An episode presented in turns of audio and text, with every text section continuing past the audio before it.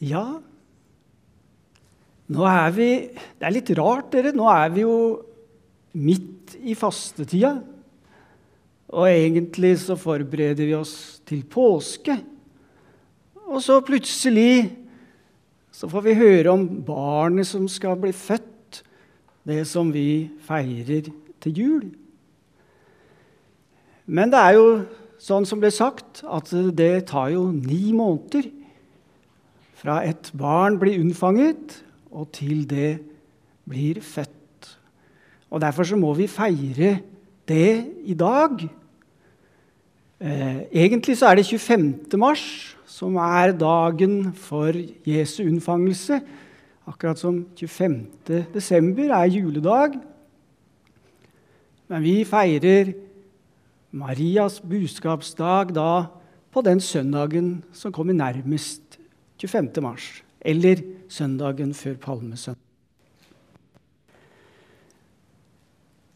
Og Jesu unnfangelse, det er en viktig hendelse. Den er så viktig at den har vi med i trosbekjennelsen vår, hvor vi jo sier at Jesus ble unnfanget ved Den hellige ånd og født av jomfru Maria. Og fordi Jesu unnfangelse er så viktig, så er også ethvert menneskeliv verdifullt og viktig. Og da ikke bare fra, det, fra da vi blir født, men helt ifra unnfangelsen av. Engelen Gabriel fortalte jo til Maria at det barnet som hun skulle få, skulle være hellig. Og det er jo Gud selv som kommer til Maria og blir menneske ved Den hellige ånd. Hun som aldri har vært sammen med noen mann. Og Jesus vet dere, han kalte seg for menneskesønn. Og hvis vi tenker på det, at det er menneskesønnen som blir unnfanget på Maria budskapsdag. Da gir det uendelig verdi til hvert eneste menneske som også blir unnfanget i mors liv.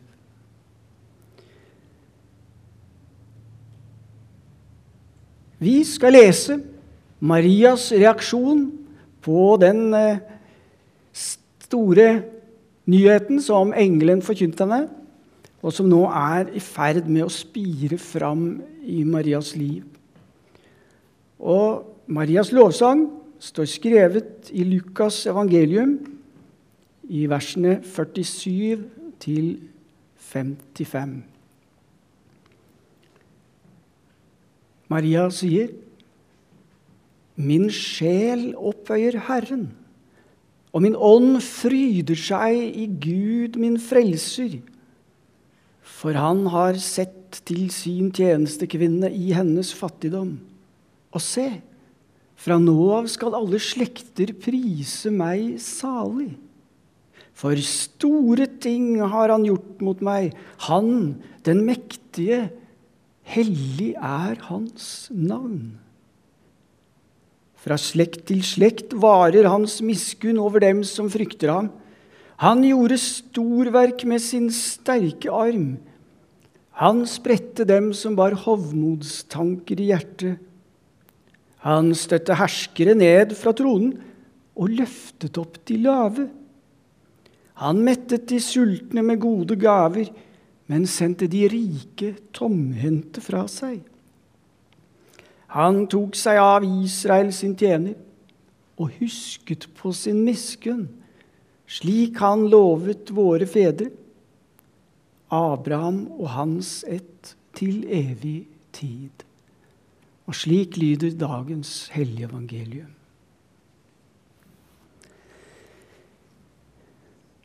Marias lovsang er en av de tre lovsangene som vi finner i Lukas evangelium, kapittel 1 og 2, sammen med Zakarias lovsang og Simeons lovsang.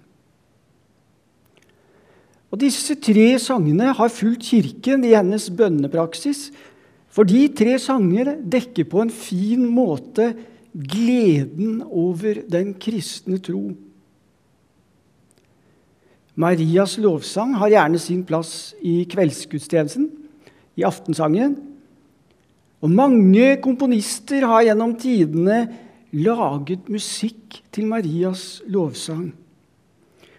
Og Hvis dere går inn på YouTube og søker på Magnificat, så vil dere få fram en masse forslag.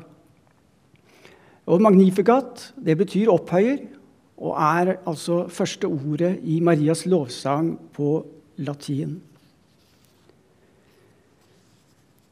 Går vi Marias lovsang litt nærmere i øyesyn, så ser vi at denne har en rekke fellestrekk med Hannas lovsang, som står i 1. Samuels bok, kapittel 2. Men også fra andre deler av Den hellige skrift har Maria hentet inspirasjon til sin lovsang. Det kan tyde på at hun var vel bevandret i Skriftene. Og Det samsvarer jo med det som vi siden får høre om Maria i forskjellige situasjoner, hvor det står at hun tok vare på det som ble sagt, og gjemte det i sitt hjerte. Og Når Maria istemmer sin lovsang, så er det som en eneste stor takk for Guds barmhjertighet. Store deler av sangen er i fortid, men samtidig er det slik at det som har skjedd, også er dekkende for det som skjer, og som skal skje. Slik er Marias lovsang tidløs. Vi kan som kristne alltid stemme i Marias lovsang som takk for Guds frelse og trofasthet. Og selv om Maria bruker navnet Israel som objekt for Guds gjerninger, så er vi alle inkludert i dette. For Kristus sammenfatter alle Guds barn. Abraham og hans ett til evig tid, leste vi. For når Jesus kommer til verden, da er det ikke lenger noen forskjell på Israel og hedningefolk. Han som er vår fred, har ved sin kropp revet ned det som skilte, står det i Efeserbrevet. Det vil si den lov som gjorde Israel til Guds særskilte folk. Nå er Jesus kommet, og alle Guds barn er blitt ett. Det er Gud selv som griper inn på denne dagen. Men samtidig er Gud avhengig av en mottager, og denne er i første omgang Maria. Hun er en ung tenåringsjente hvor Gud gjør seg sin bolig. Ikke rart Maria bobler over av fryd over det store som er i ferd med å skje henne. Samtidig er det en ærefrykt over den store oppgaven som Gud har utsett henne til. Maria er en gudfryktig ung kvinne. Hun ber ikke om betenkningstid, men hun bøyer seg for Guds vilje som Herrens tjenerinne. At Gud tar bolig i Maria, det er grunnlaget for at Gud seinere kan ta bolig i enhver som tror på Kristus. Til menigheten i Galatia, Galatia sier Paulus.: Mine barn, som jeg igjen må føde med smerte til Kristus får skikkelse i dere.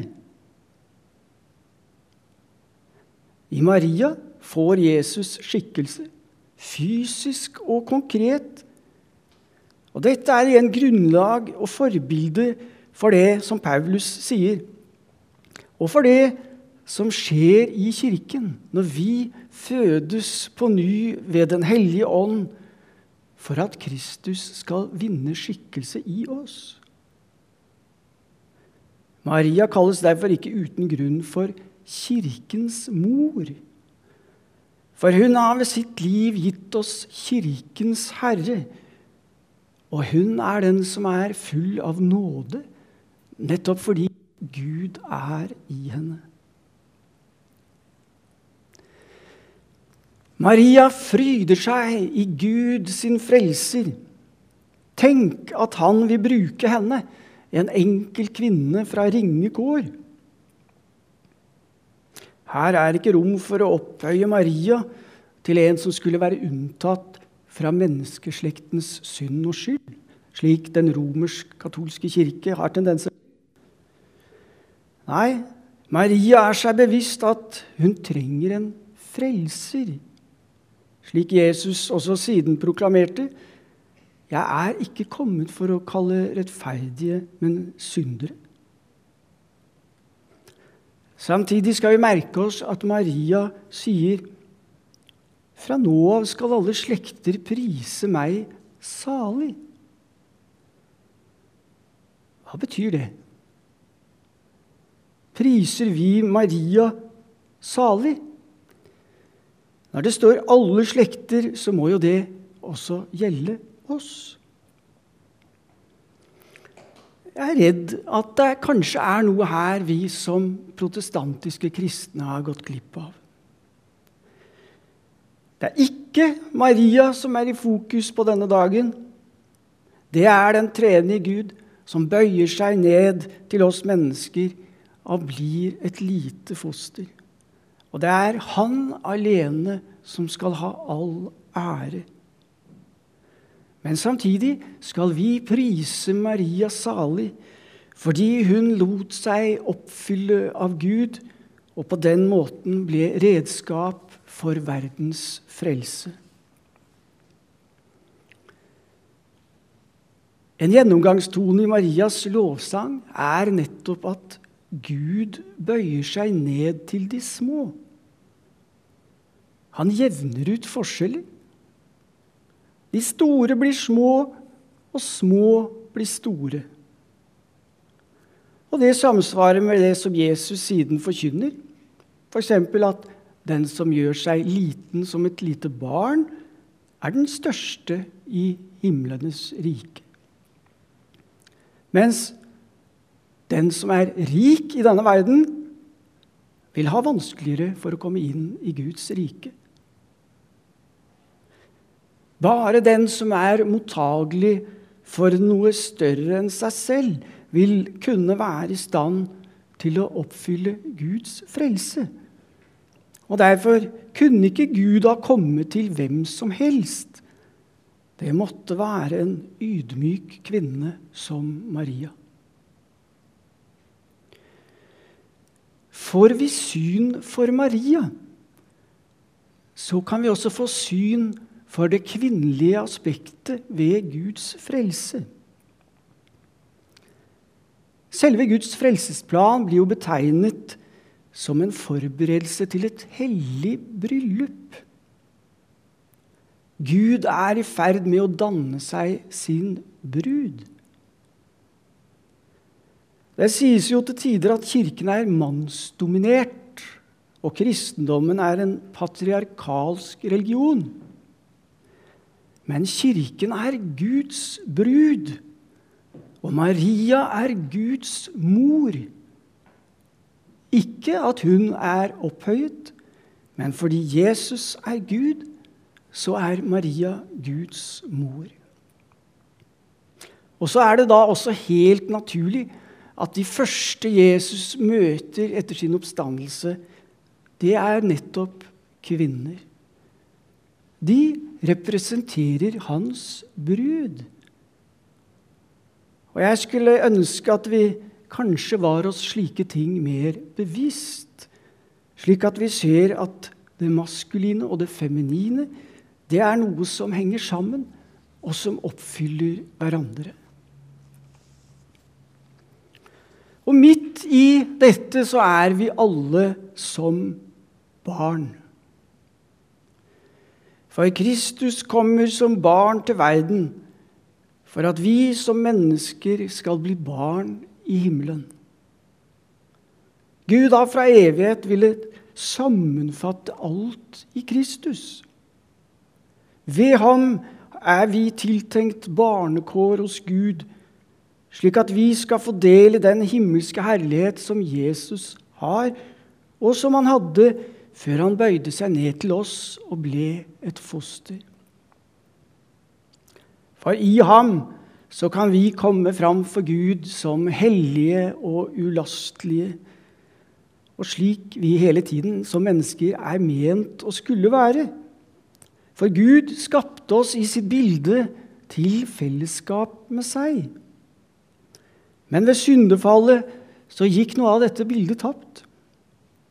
Men når Kristus kommer til verden, så får vi igjen se Guds sanne bilde. Og vi får selv del i det når vi tar imot av Hans ånd. Alt Kristus gjør, gjør han til vår frelse. Men samtidig så er det slik at det som i ham er virkeliggjort, der han nå sitter ved Faderens høyre hånd, det er ment å skulle spire i oss allerede mens vi er her på jorden. Og igjen er Maria et bilde på kirken, det sted hvor livet i Kristus skal vokse fram. Men det er bare når Guds nåde får virke i oss, at dette kan skje. Den ånd som unnfanget Jesus i Marias liv, kan også virke et sant gudsliv i oss. Så er også dette noe vi kan ta med oss videre inn i fastetiden. Vi kan aldri selv frembringe troens frukter i vårt liv.